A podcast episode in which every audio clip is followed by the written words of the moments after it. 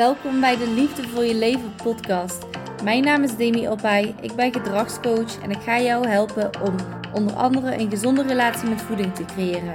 Daarnaast neem ik je mee in mijn reis naar een fijne relatie met voeding en een gelukkig leven.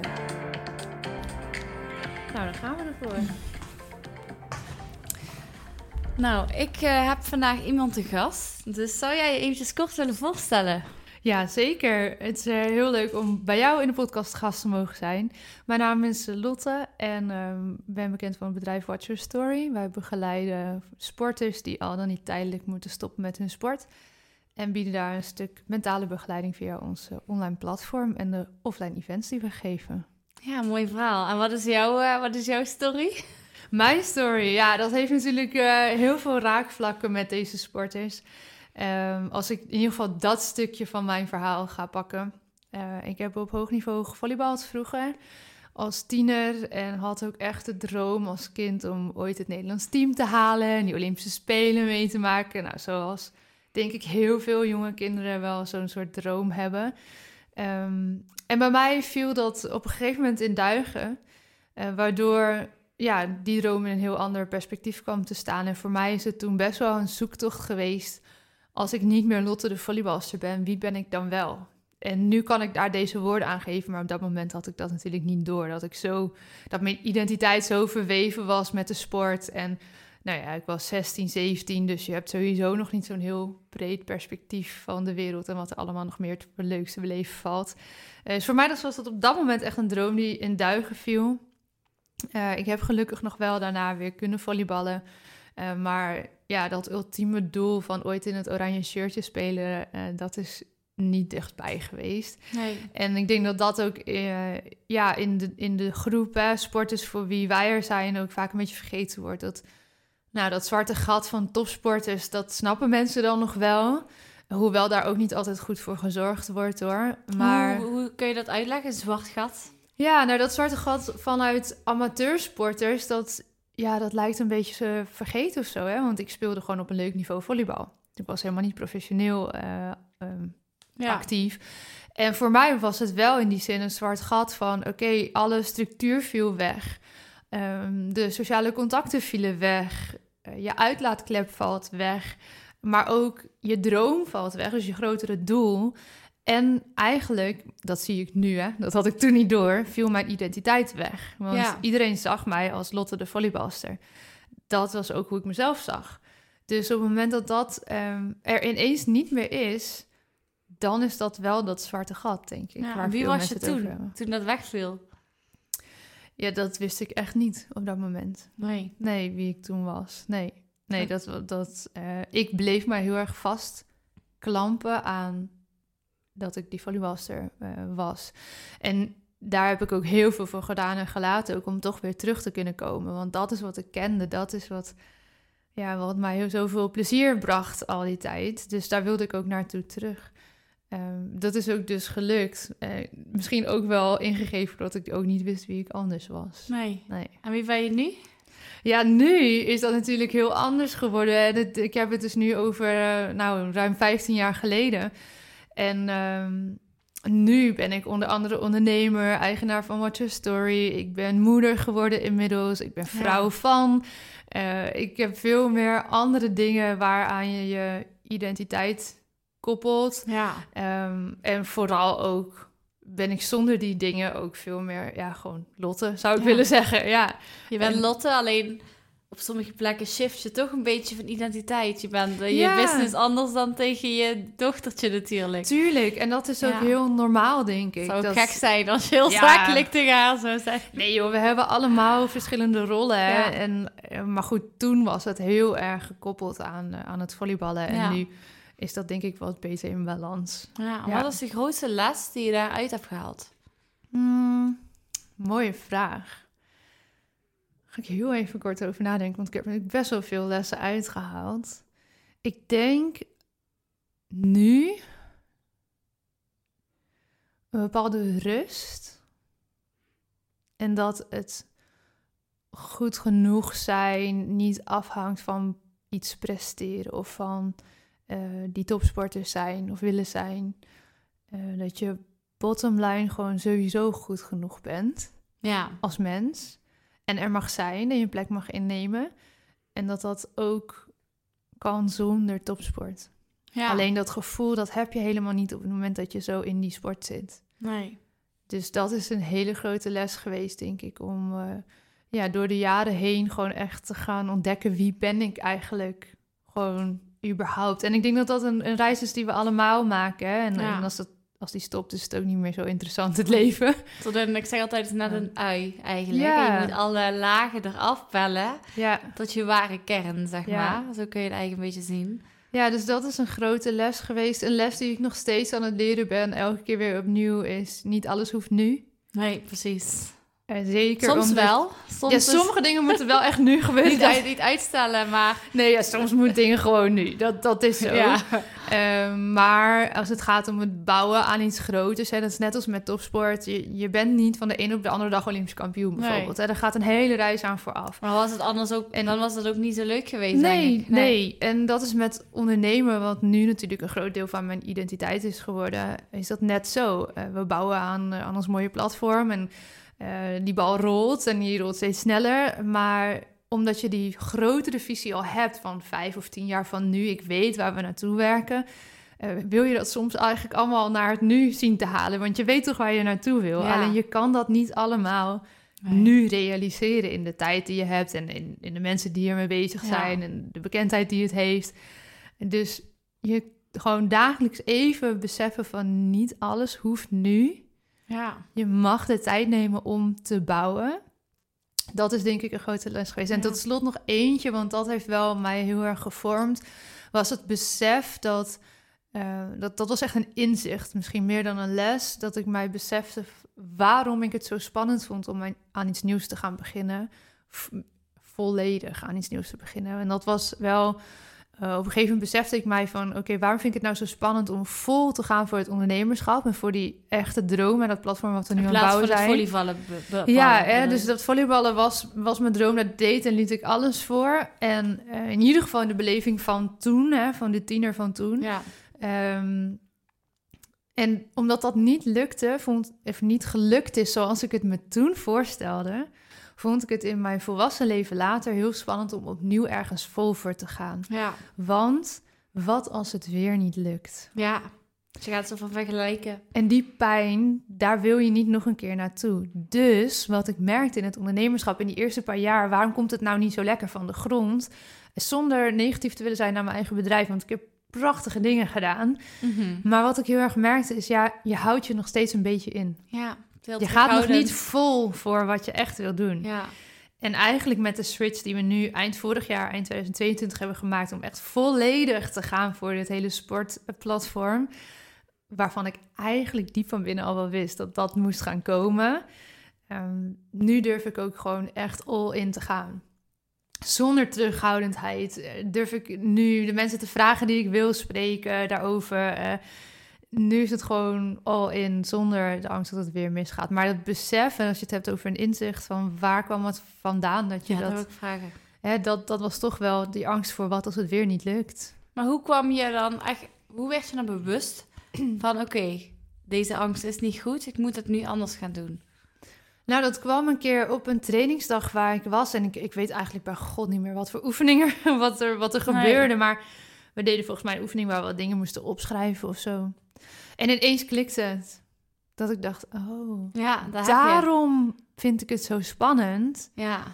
Eh, Of het was met een, een, een visualisatie of zo. Ik, ik, ik weet het niet meer precies, maar het was een hele dag en we waren daar met een grote Ja. groep. En ineens realiseerde ik me van, oh, dit is waarom ik het zo spannend vind. En het, is, het was niet het moment dat ik dat ook gelijk kon omzetten. Want het was eerst een inzicht en door de jaren heen ben ik er meer naar gaan handelen.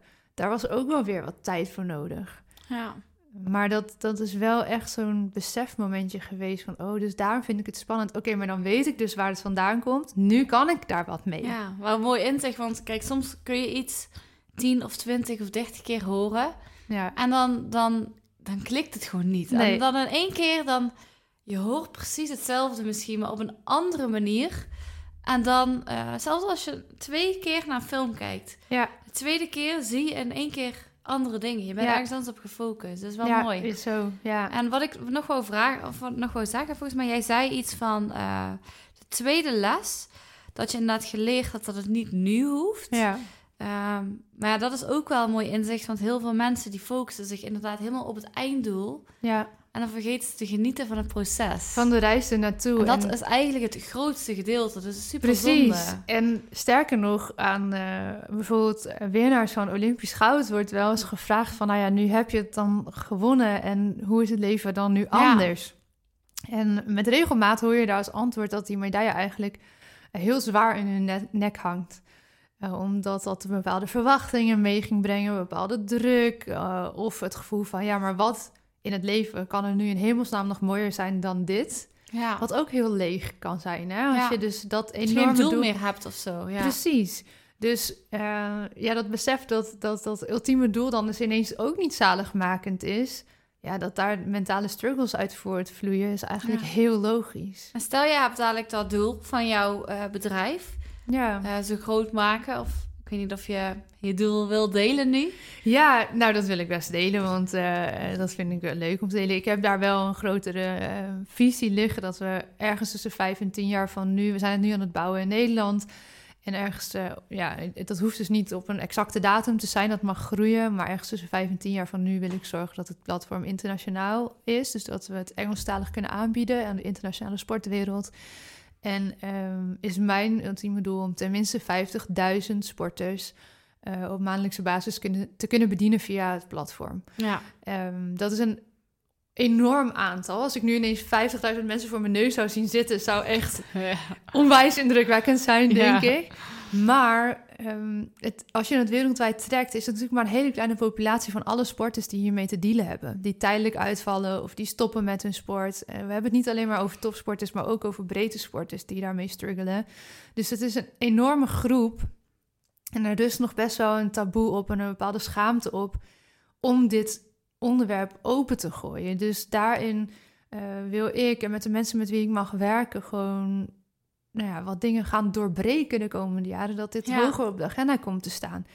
En daarmee eh, ja, is het dus ook een doel en het is maar een nummertje. Het is niet mislukt met, met 100 mensen minder, bij wijze van spreken, of met duizend mensen minder. Nee. Maar het is wel een soort van doel waar je naartoe werkt. Oké, als dat zo groot is dat ik nu denk van wow, hoe gaan we het ooit doen? Maar ik kan het wel geloven, Ja. dan moet je ervoor gaan. Ja. Ja, als je zegt eind december 2023 zitten er 1 miljoen leden in je community, dat kan ik niet geloven. Nee. Dus en dat is een doel wat dan zo ver weg staat dat dat helpt je niet verder om als doel op te schrijven. Nee. Eh, maar dat er eh, ergens tussen de 1000 en 10.000 leden in gaan zitten. Mijn ultieme doel voor dit jaar is dat er 10.000 mensen in zitten aan het eind van het Ja. jaar. mooi doel. Maar het is niet mislukt als het er duizend zijn. Nee. Want dan hebben we gewoon een prachtige basis ja. staan van dit nieuwe platform. Ja. Maar we hebben ook zo'n stretchdoel. Hè, waar, je, waar je dan over na gaat denken... oké, als ik 10.000 mensen in het platform wil hebben... aan het eind van, de, van het jaar... en op die manier 10.000 sporters wil kunnen helpen... met een stuk mentale begeleiding... wat moet ik dan nu gaan doen om te zorgen dat dat lukt? Ja. En op die manier kan je dus heel goed bedenken... wat ga ik vandaag doen? Wat moet ik deze week, deze maand, dit kwartaal gaan doen... om te zorgen dat we daar komen? En even voor de luisteraars, zeg maar. Hoe ga je die mensen dan helpen om die mentale steun te bieden? Mooie vraag. Nou, wat we bouwen is, eh, of ja, het klinkt alsof het er nog niet is, maar het is er al. We bouwen er aan door. Is een online platform waar allerlei experts hun kennis en ervaring komen delen. Ehm, en waar ze dus een stuk mentale begeleiding kunnen vinden. Dat is in de vorm van oefeningen, in de vorm van kennisdeling die daar gedaan wordt. Ook zeker in de vorm van eh, connecten met elkaar. De sporters kunnen elkaar daar ook vinden.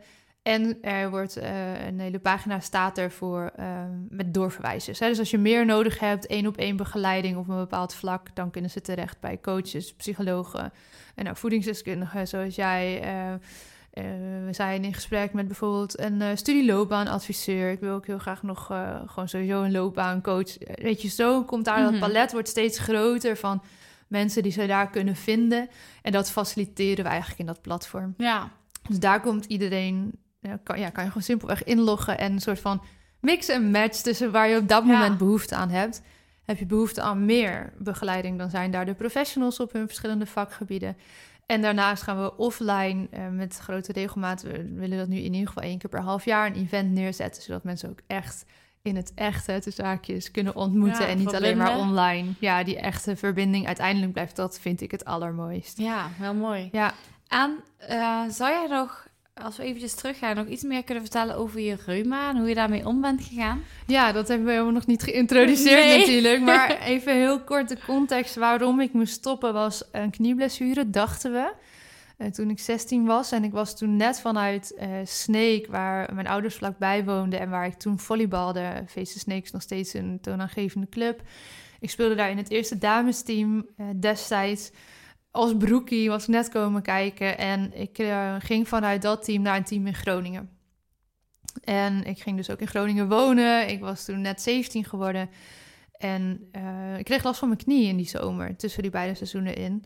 En eigenlijk was het niet zo duidelijk wat er nou aan de hand was. Er werd gedacht aan een scheurtje in de meniscus, een kijkoperatie. Nou, dat leek allemaal mee te vallen. En, maar die knie bleef dik. Dus iets was er aan de hand.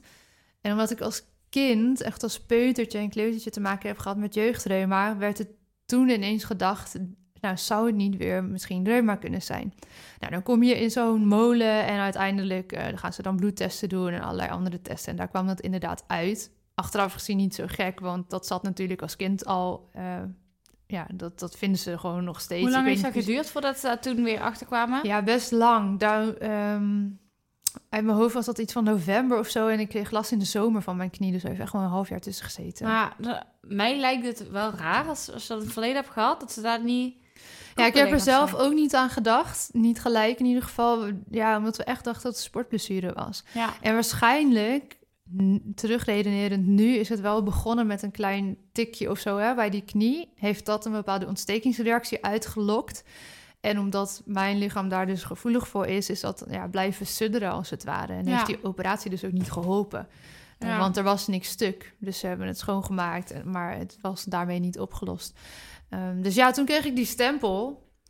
En daar ben ik naar gaan leven, even heel plat gezegd. Hoe zag dat eruit ja. het begin? Nou ja, dat, in het begin was dat verschrikkelijk. Ik, uh, de zin, die, dat vertel ik vaker in interviews, um, wat, ik me, wat ik nooit zal vergeten, dat ik daar in die dokterskamer zat, uh, bij de reumatoloog, hele vriendelijke dame overigens hoor, maar ik vroeg aan haar, wanneer mag ik weer volleyballen?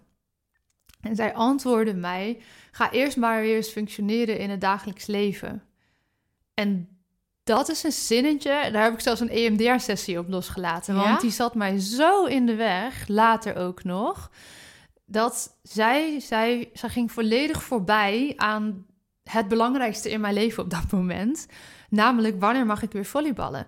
Natuurlijk snap ik nu dat zij helemaal geen antwoord kon geven op die vraag. Wist zij veel wanneer ik weer kon gaan volleyballen? Zij wilde mij eigenlijk soort van nou ja, hè, stimuleren van nou ga eerst maar gewoon weer in het dagelijks leven functioneren en dan kijken we verder. Alleen wat zij nooit kon weten was de impact van die woorden hadden op mij. Eigenlijk zei zij van ja, je kan dus niet volleyballen. Ga eerst maar weer functioneren. En dat uh, was toen heel heftig. Um, besef ik me ook nu vooral. Hè, dus zoveel tijd later.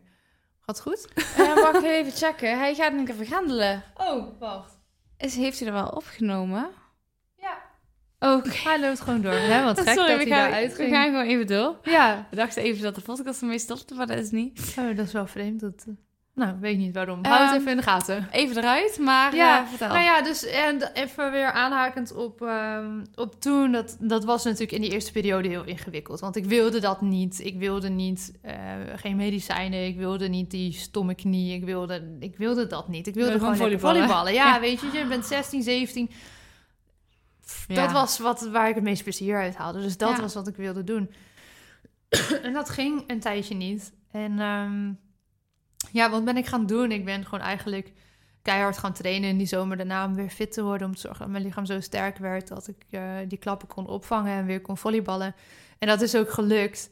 Uh, niet altijd van harte, moet ik zeggen. Nee. Maar uiteindelijk is dat wel gelukt. En pas veel jaar, vele jaren later kwam ik erachter van... oké, ik ben dus ook gaan leven naar die ziekte. Dus voorzichtig doen met uh, rennen, voorzichtig doen met... nou ja, ik noemde een voorbeeld van in kleermakers zitten. Eten.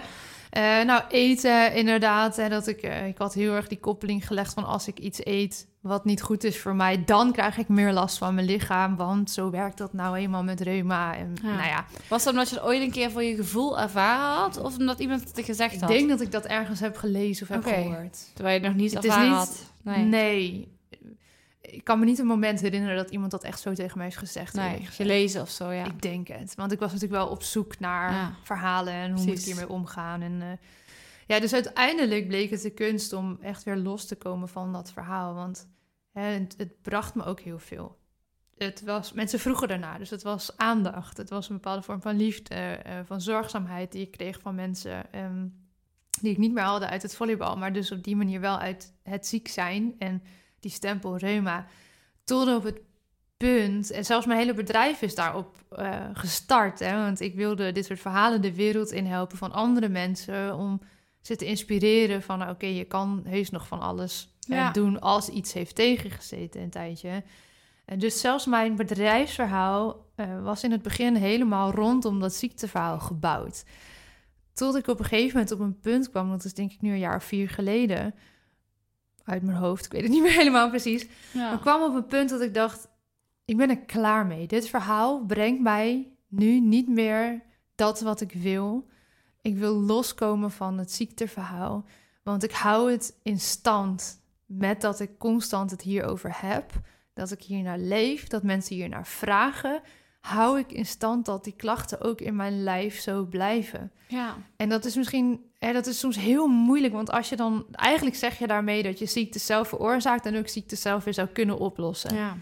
En zo zwart-wit is het natuurlijk niet altijd. Nee. Want als iemand de diagnose kanker krijgt, dan ga je niet zeggen, nou ga lekker even je mentale shit oplossen, dan ben je Nee. heus niet meer ziek. Ik heb overigens, kijk, dit, dit klinkt wel heel heftig, maar ik heb ooit eens iets gehoord van, eh, ik weet even niet meer met hoe of wat dat was, maar er was ook iets. Iemand had dus volgens mij iets van kanker en toen, niet- kan zijn dat het niet helemaal klopt wat ik zeg, hè? Eh, toen is hij ergens naar een of andere iets spiritueels geweest en toen zei diegene tegen die persoon van, je hebt geen kanker. Ga niet, natuurlijk, kanker gaat niet weg. Maar die persoon is zo anders gaan leven en die wou stoppen met de medicatie. En uiteindelijk leefde hij nog heel lang. Is wel een waar gebeurd verhaal. Ja, Maar, Nee, het ja, maar is je, wel... hoort, je hoort dit verhalen, deze verhalen wel af en toe. ja, En ik geloof ook echt wel dat als je daar zelf heel erg in gelooft, eh, dat, dat, is het het versterkt. Maar dat betekent niet dat als jij daar maar niet genoeg in gelooft, dat jij dan schuld hebt aan het feit dat je heel Nee, ziek wordt. Want niet. Hè, dat is dan vaak het andere uitzien. Daar moet je gewoon heel voorzichtig mee zijn. Ja. Als jij je been breekt, ga je ook naar het ziekenhuis Ja, om je te laten opereren aan je been. Als jij kanker krijgt, ga je naar het ziekenhuis om de behandeling te krijgen Kijk, ik die je vond dat nodig ook hebt. wel heel... Ik zou zelf niet doen. Ik zou zelf naar de arts luisteren. Maar ik kan wel begrijpen dat sommige mensen gewoon Ja. klaar zijn met het stukje... ja, Die koppeling. ik kan dat ook begrijpen. En als het voor je werkt, ja. dan moet je het vooral doen. Maar ga alsjeblieft ook naar een arts als zoiets aan de hand is. Ja. eh, Dat, het, dat dat duidelijk is. Maar voor mij eh, was het natuurlijk geen levensbedreigende ziekte. Dus ik had die speelruimte om daarmee te experimenteren. En. Ehm, die heb ik benut door te kijken, hey, wat werkt voor mij? Nou, voeding werkte voor mij daarin niet goed, want ik ben gaan testen met wat het doet als ik helemaal vegan ging eten. En weinig suikers, weinig alcohol, ehm, heel weinig eh, gluten en zo. Heb ik, ik niet echt zo ongeveer alles weg, wel in fases.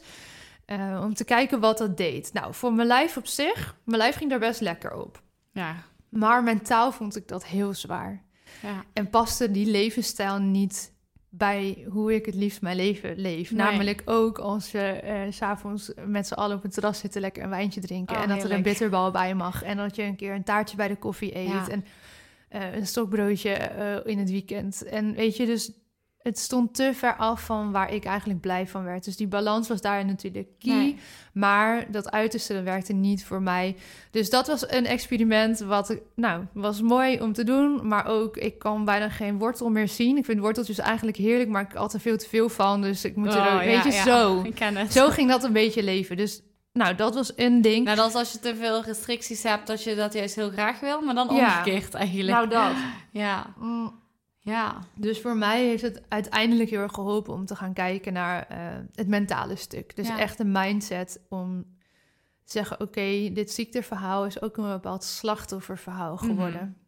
Je gebruikt het En- niet per se bewust vanuit de verkeerde intentie, maar Nee. uiteindelijk ervaar je eh, voordelen, comfortabele situaties erdoor. En uiteindelijk ja, wordt het ook een soort van gewoonte om het een beetje in stand te houden, want Ja. dat voelt ook een beetje veilig of zo. Is zo. ja. Dat voelde veilig. En, en in dat slachtofferverhaal kreeg ik die aandacht. Hè? En, en de liefde die daarna uitging. En ja, wat voor mij heel belangrijk was, dat ik die spiegel op een gegeven moment voorgehouden kreeg. Van jij houdt dit verhaal zelf in stand. En daarmee hou je ook je klachten zelf in stand. En nou, we hadden het er net al even over. Je, je moet daar soms gewoon voorzichtig mee zijn als het gaat om bepaalde ziektes Nee, precies, en in je leven. Maar voor mij werkte dit wel. ja. En merkte ik dus van eh, de klachten die ik had, daar is de stempel reuma opgeplakt destijds. Maar eigenlijk probeerde mijn lijf me gewoon bepaalde dingen te vertellen. Ja. En daar leerde ik en leer ik nog steeds, steeds beter naar luisteren. Ja. Zodat als ik nu ineens last heb van mijn knieën bijvoorbeeld, wat nog af en toe wel eens gebeurt, eh, dan in het begin schoot ik acuut terug in mijn, in mijn ziekteverhaal en in het slachtofferverhaal. En de omgeving, mijn omgeving met mij. Want ja, logisch Ja. ook, dat is wat je kent. Eh, maar nu weet ik, als dat gebeurt, oké, check eens even goed bij jezelf in. Ben je heel moe? Is er veel stress? Heb je slecht gegeten, slecht geslapen? Maak je ergens zorgen om? Precies. Wat probeert mijn lijf mij te vertellen? En doordat ik het, die symptomen zo anders ben gaan interpreteren. Een beetje ook een soort van reflecteren. Ja, ik ben Ja. het zo anders gaan interpreteren ook. En meer dus in die reflectie gaan zitten van... hé, wat gebeurt er nu met mij? En Ja. met mijn energie en met mijn lijf. Waardoor ik dus mijn gedachten die kant weet op te sturen... in plaats van acuut weer teruggaan in... oh shit, het zal wel weer de reuma zijn. En moet ik misschien weer naar het ziekenhuis... of heb ik weer medicatie Ja. nodig? Voor mij heeft het heel erg goed gewerkt. En ik kan dat niet voor anderen eh, beslissen. En ik ben ook geen arts, dus eh, dat even vooropgesteld. Maar voor mij heeft het heel goed gewerkt. Ja. En kan ik nu zien dat, eh, ondanks er misschien ergens in mijn DNA een, een ik weet niet precies hoe dat werkt, maar een soort van eh, vinkje reuma ergens zit. Ja. Als ik dat nooit had geweten, was die stempel er misschien nooit opgegaan. En was, had het een heel ander verhaal kunnen zijn. Had het ook een heel, we hebben ook gekeken naar ziekte van Lyme bijvoorbeeld. Hoe En- testen ze dat dan? ja, met bloedwaarders en dingen. Maar Lyme is er nooit uitgekomen. Maar kan, nooit, kan het niet zijn, is reuma dan, is dan altijd 100% dat het reuma is? Of is het zo van dat ze het denken en dat ze dan, dat ze het bijna vermoeden en dan een stempel geven? Ja, het is een soort van, voor zover ik weet, hè, want nogmaals, mijn medische, kennis gaat niet zo heel ver hierin. Ehm, maar het is een combinatie van factoren, van de klachten die ze zien, van eh, bijvoorbeeld, hebben ook wel puncties genomen van het vocht wat in mijn knie zat, om te kijken hoe troebel dat dan was. Dan zou Dus ook ergens een ontstekingswaarden, eh, Ja. ja. hoe precies. Maar ja, en op dat moment, we zochten ook naar, naar een oorzaak. Hè? Dus ik was op dat moment ook ergens wel opgelucht van, oh, dit is het dus. Ja, Ja, dus we kunnen er ook iets aan doen. precies. Ja. Dat is wel fijn. Ja, want maar wat je zegt net qua reuma, waar jij zo achter staat, je kunt het eigenlijk al vertalen naar hele simpele dingen.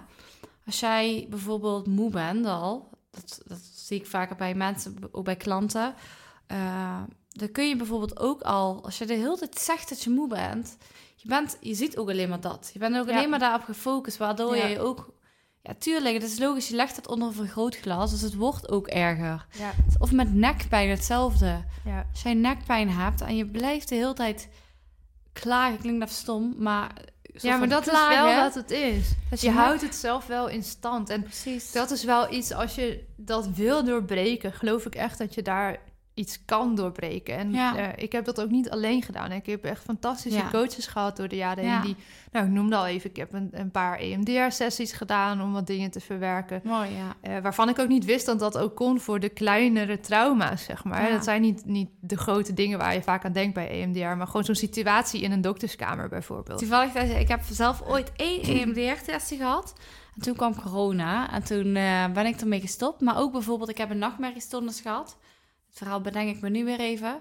En ik had al zo lang last van en ik deed echt alles. Therapie, neurofeedback, EMDR, psycholoog. En ik kwam er maar niet vanaf. Maar ik was ook de hele tijd gefocust en ik wist ook niet hoe ik dat los kon laten of zo. Mhm. En toen ik soort van geaccepteerd had, van ik heb nu alles geprobeerd en ik kan niks meer doen, toen waren ze weg. Ja. Gewoon wat heel bizar.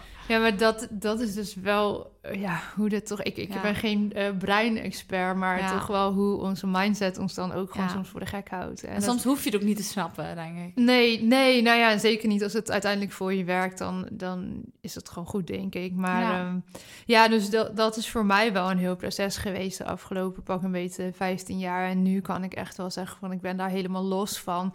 Het verhaal mag er zijn, hè. Ik vind het helemaal niet erg zoals nu hebben we het over. En het, het, het mag er ook zijn, want die reis is denk ik heel Maar inspirerend. je wilt niet herkend worden als Lotte met reuma, zeg maar. Nee, weet je, en dat is ook, dat hoeft nu ook niet meer. Nee. Hè, dat, dat is gewoon een onderdeel van mijn verhaal en dat mag verteld worden, want nou, ik hoop dat mensen er iets aan hebben en dat ze dan misschien gaan nadenken van, hé, hey, hoe zit dat bij mij als je ergens last van hebt? Ehm, maar het hoeft niet meer voorop te staan. Nee. En ook, hè, en soms word ik wel eens geïnterviewd voor een mooi artikel of zo in een, in een magazine of in een krant. Dan vraag ik ook altijd eh, of ze dat op die manier willen weergeven. Want dat is het frame wat je wel de mensen soms moet meegeven. Van hé, hey, dit is wel wat er was, maar wat voor mij nu niet meer is. En ik wil dus ook niet dat ze opschrijven dat ik het nog heb, maar had. En als je dit verhaal niet zelf goed kent, dan voelt dat heel raar natuurlijk. ja. Want je, reuma heb je en hou je, is hoe we daar vaak Ja. over denken in onze maatschappij. Want kopje dus dat- had reuma, maar die niet meer. Nee, Ja, nou ja, dat, dat doen journalisten Nee. dus niet. nee helaas. Dus, ehm, maar om te zorgen dat dat dus eh, goed neergezet wordt, ben ik daar wel altijd scherp op. En dat heb ik ook met mijn vrienden en familieleden moeten doen. Door echt aan hun te vragen, heel direct. En wil je alsjeblieft niet meer op die manier ernaar vragen? Je Ja. mag wel vragen hoe het met me gaat, maar wil je niet elke keer als we elkaar zien vragen... nou, en hoe gaat het met je knie? En hoe gaat het met de reuma? Want daarmee help je eh, mij om dat verhaal niet langer in stand te houden. En dat is, dat, is, dat is echt oprecht voor de mensen die nu luisteren. Luister even heel goed. Als je in je hoofd zit, kom even terug. Het is echt supergoed, want eh, mensen bedoelen het goed, hè, dat weet je. En ze vragen aan jou omdat ze misschien denken dat ze het fijn vinden. Een soort van stukje Ja. pleasen. Niet dat het verkeerd is, want iedereen doet dat wel eens, denk ik. Maar als jij het niet benoemt, dat je dat niet fijn vindt of niet meer wilt, dan weten hun het ook niet. Nee, Dus als jij je gaat irriteren dat hun dat vragen, dan kijk inderdaad eerst naar jezelf wat jij kan doen. Dus Nou ja, heel mooi. tien jaar lang heeft het mij die aandacht en liefde gebracht. Hè? Ja. Dus doordat zij daar naar vroegen en daar oog voor hadden, heeft mij Ja. dat heel veel gebracht. En zij hebben het ook eh, gevoeld dat je dat fijn vond. Ja, en dat vond ik ook meer. echt op dat moment. Ja. Maar nu kwam ik op een punt dat het me meer kostte, dit verhaal, dan dat het me opleverde. ja. En dus was het tijd om daar los van te komen. En dus moest mijn familie en ook mijn partner, inmiddels mijn man, eh, die, die uit de medische wereld komt. Dus voor hem was dat ook wel even wennen. Maar ook zij moesten loskomen van dit verhaal. Want er simpelweg er niet meer over hebben, maakt niet dat het verhaal er niet meer was. Nee. Dus ook hen moest ik de tijd gunnen om ja, mij niet meer te gaan zien als Lotte met reuma, maar eh, ja, Lotte zonder reuma eigenlijk en een nieuwe versie. En ja. eh, nou ja, één keer is het nog gebeurd vlak na mijn zwangerschap dat ik ineens enorme opvlammingen had, zoals je dat vanuit hè, reuma ziektebeeld zou noemen. Ja. Ehm, en dat eh, we eigenlijk al bijna zo ver waren dat ik toch weer medicatie zou krijgen. Tot ik mij heel eh, ja, goed besefte van... als ik nu weer medicijnen neem, neem ik die niet voor mezelf... maar voor mijn omgeving die zich zorgen aan het maken is om mij.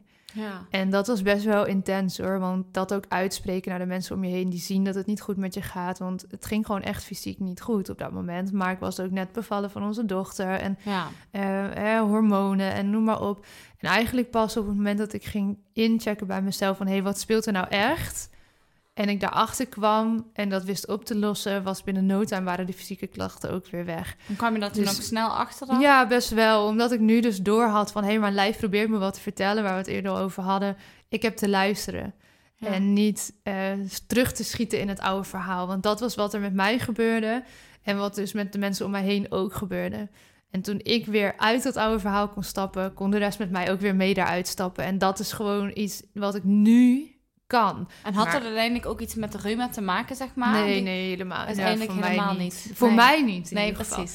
Ik heb het een reumatoloog gevraagd, voor de reumatoloog wel degelijk. Oké. Ja, ja en die hoe zag kon dat jij dat dan anders zien? Hoe... Ja, voor mij was het dus die les die ik eerder had geleerd. Van ik mag gaan luisteren naar wat mijn lijf mij Ja. echt vertelt. Je had gewoon misschien te veel in één keer of wat dan ook. Ja, nou ja, zeg het maar. Hè. Dus eh, dat dat kan van alles zijn. Ik heb het nu nog steeds wel eens als ik heel moe ben bijvoorbeeld. Of veel stress ervaar. Of uh, laatst, we zijn net verhuisd. Nou ja, als één ding wel stress oplevert, is het verhuizen. Hoewel ik verhuizen op zich, ik heb vaak gedaan, niet eens zo heel stressvol meer vind, is het wel een stressfactor in je leven.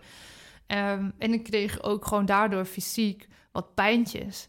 Maar nu frame ik dat niet meer als, als reuma, maar als hey, je bent gewoon een mens wat nu wat meer stress ervaart en moe is. En ik was nog ziek geweest, gewoon grieperig.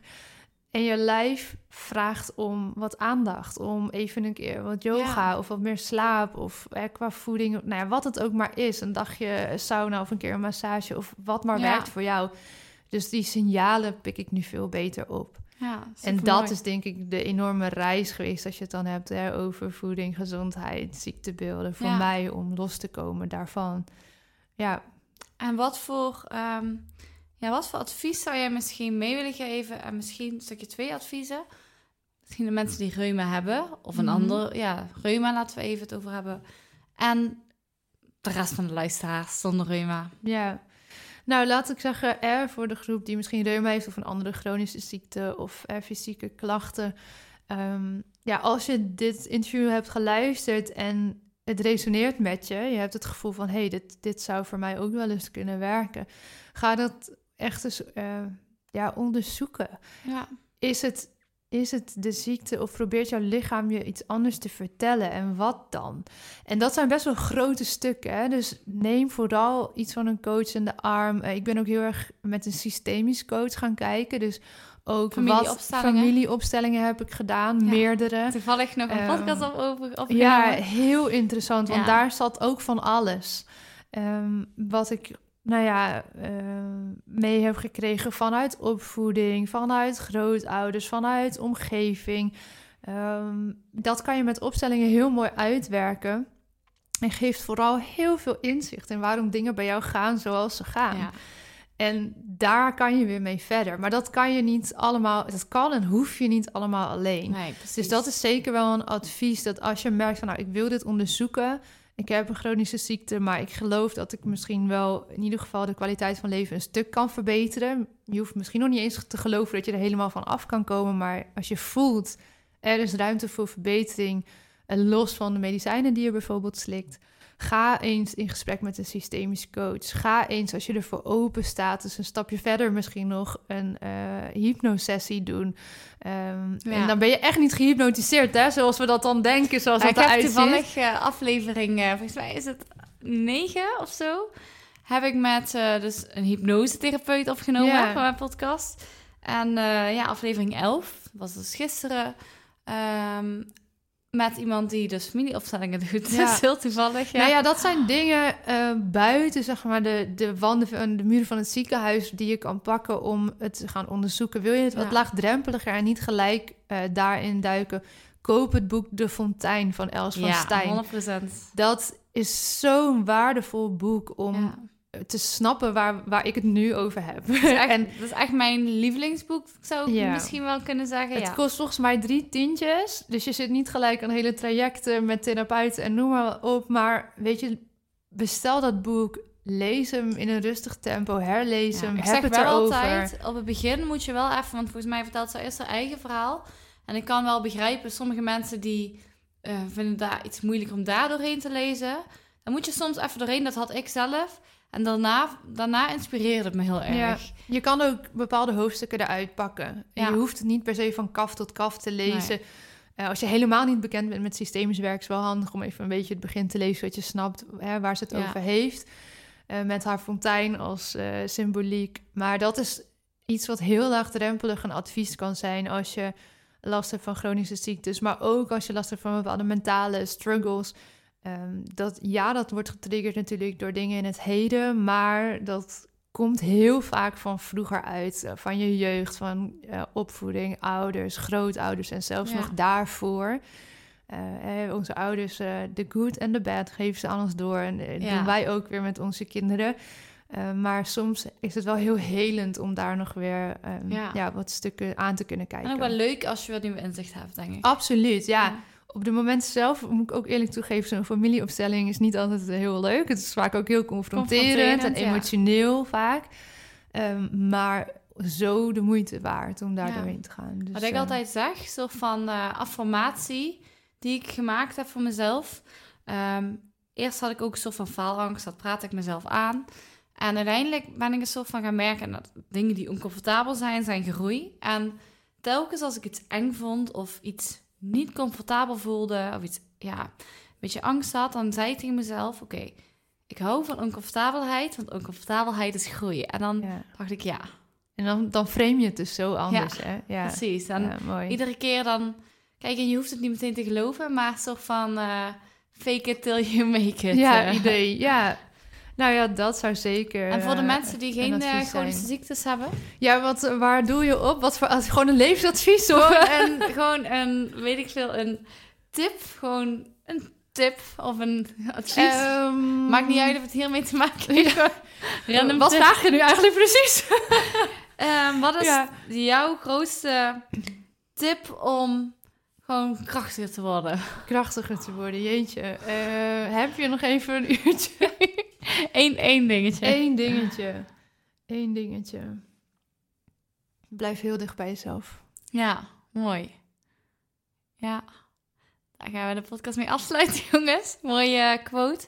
Fijne dag nog en eh, bedankt Lotte voor het leuke gesprek. Graag gedaan. En waar kunnen ze jou vinden trouwens? Ja, eh, Instagram, Watch Your Story, laagstreepje NL.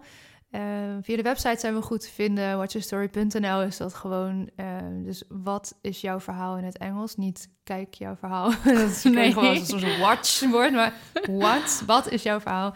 Watchyourstory.nl. eh daar kun je ook eh, het plat- aanmelden voor het platform. Mocht je dat interessant vinden. Daar vind je daar veel meer informatie over. Maar ook hele leuke blogs van de podcast. eh, dus ook heel veel gratis content. Ja. Ehm, ja, dat zijn de twee beste kanalen. Ik heb schoorvoetend twee weken geleden TikTok aangemaakt. Dus daar ben ik ook vindbaar. Volg Lotte allemaal op TikTok. Stuur hem Ja. allemaal een berichtje. Geef me wat steun en Geef support. motivatie. nou, we gaan En, eh, ja, en LinkedIn natuurlijk. Als je echt denkt van, nou, ik wil een keer persoonlijk contact... of eh, je wil iets weten of in gesprek over dit onderwerp... Dan, Wil je naar eh, de 500 plus connecties? Op LinkedIn? Ja, nee, daar- ik voor de, voor de volgers. Oh, Voor ja. Nou, tik- ja, precies. TikTok staat volgens mij op nul. Dus dat heb ik echt net iets gemaakt. Nee, dus daar zo'n beetje. Oké, we gaan eventjes afronden en dan, eh, ja, doei doei. Dankjewel. Hij is even weer. Oh, hè? Bedankt voor het luisteren naar de Liefde voor je leven podcast. Volg mij op Instagram op @demiopai en stuur je vraag via DM of mail naar info@deemscoaching.nl. Wil je graag met mij in gesprek over jouw doelen of over een onderwerp in deze podcast? Laat het me weten. Support mij door te abonneren op deze podcast. Tot snel, doei doei!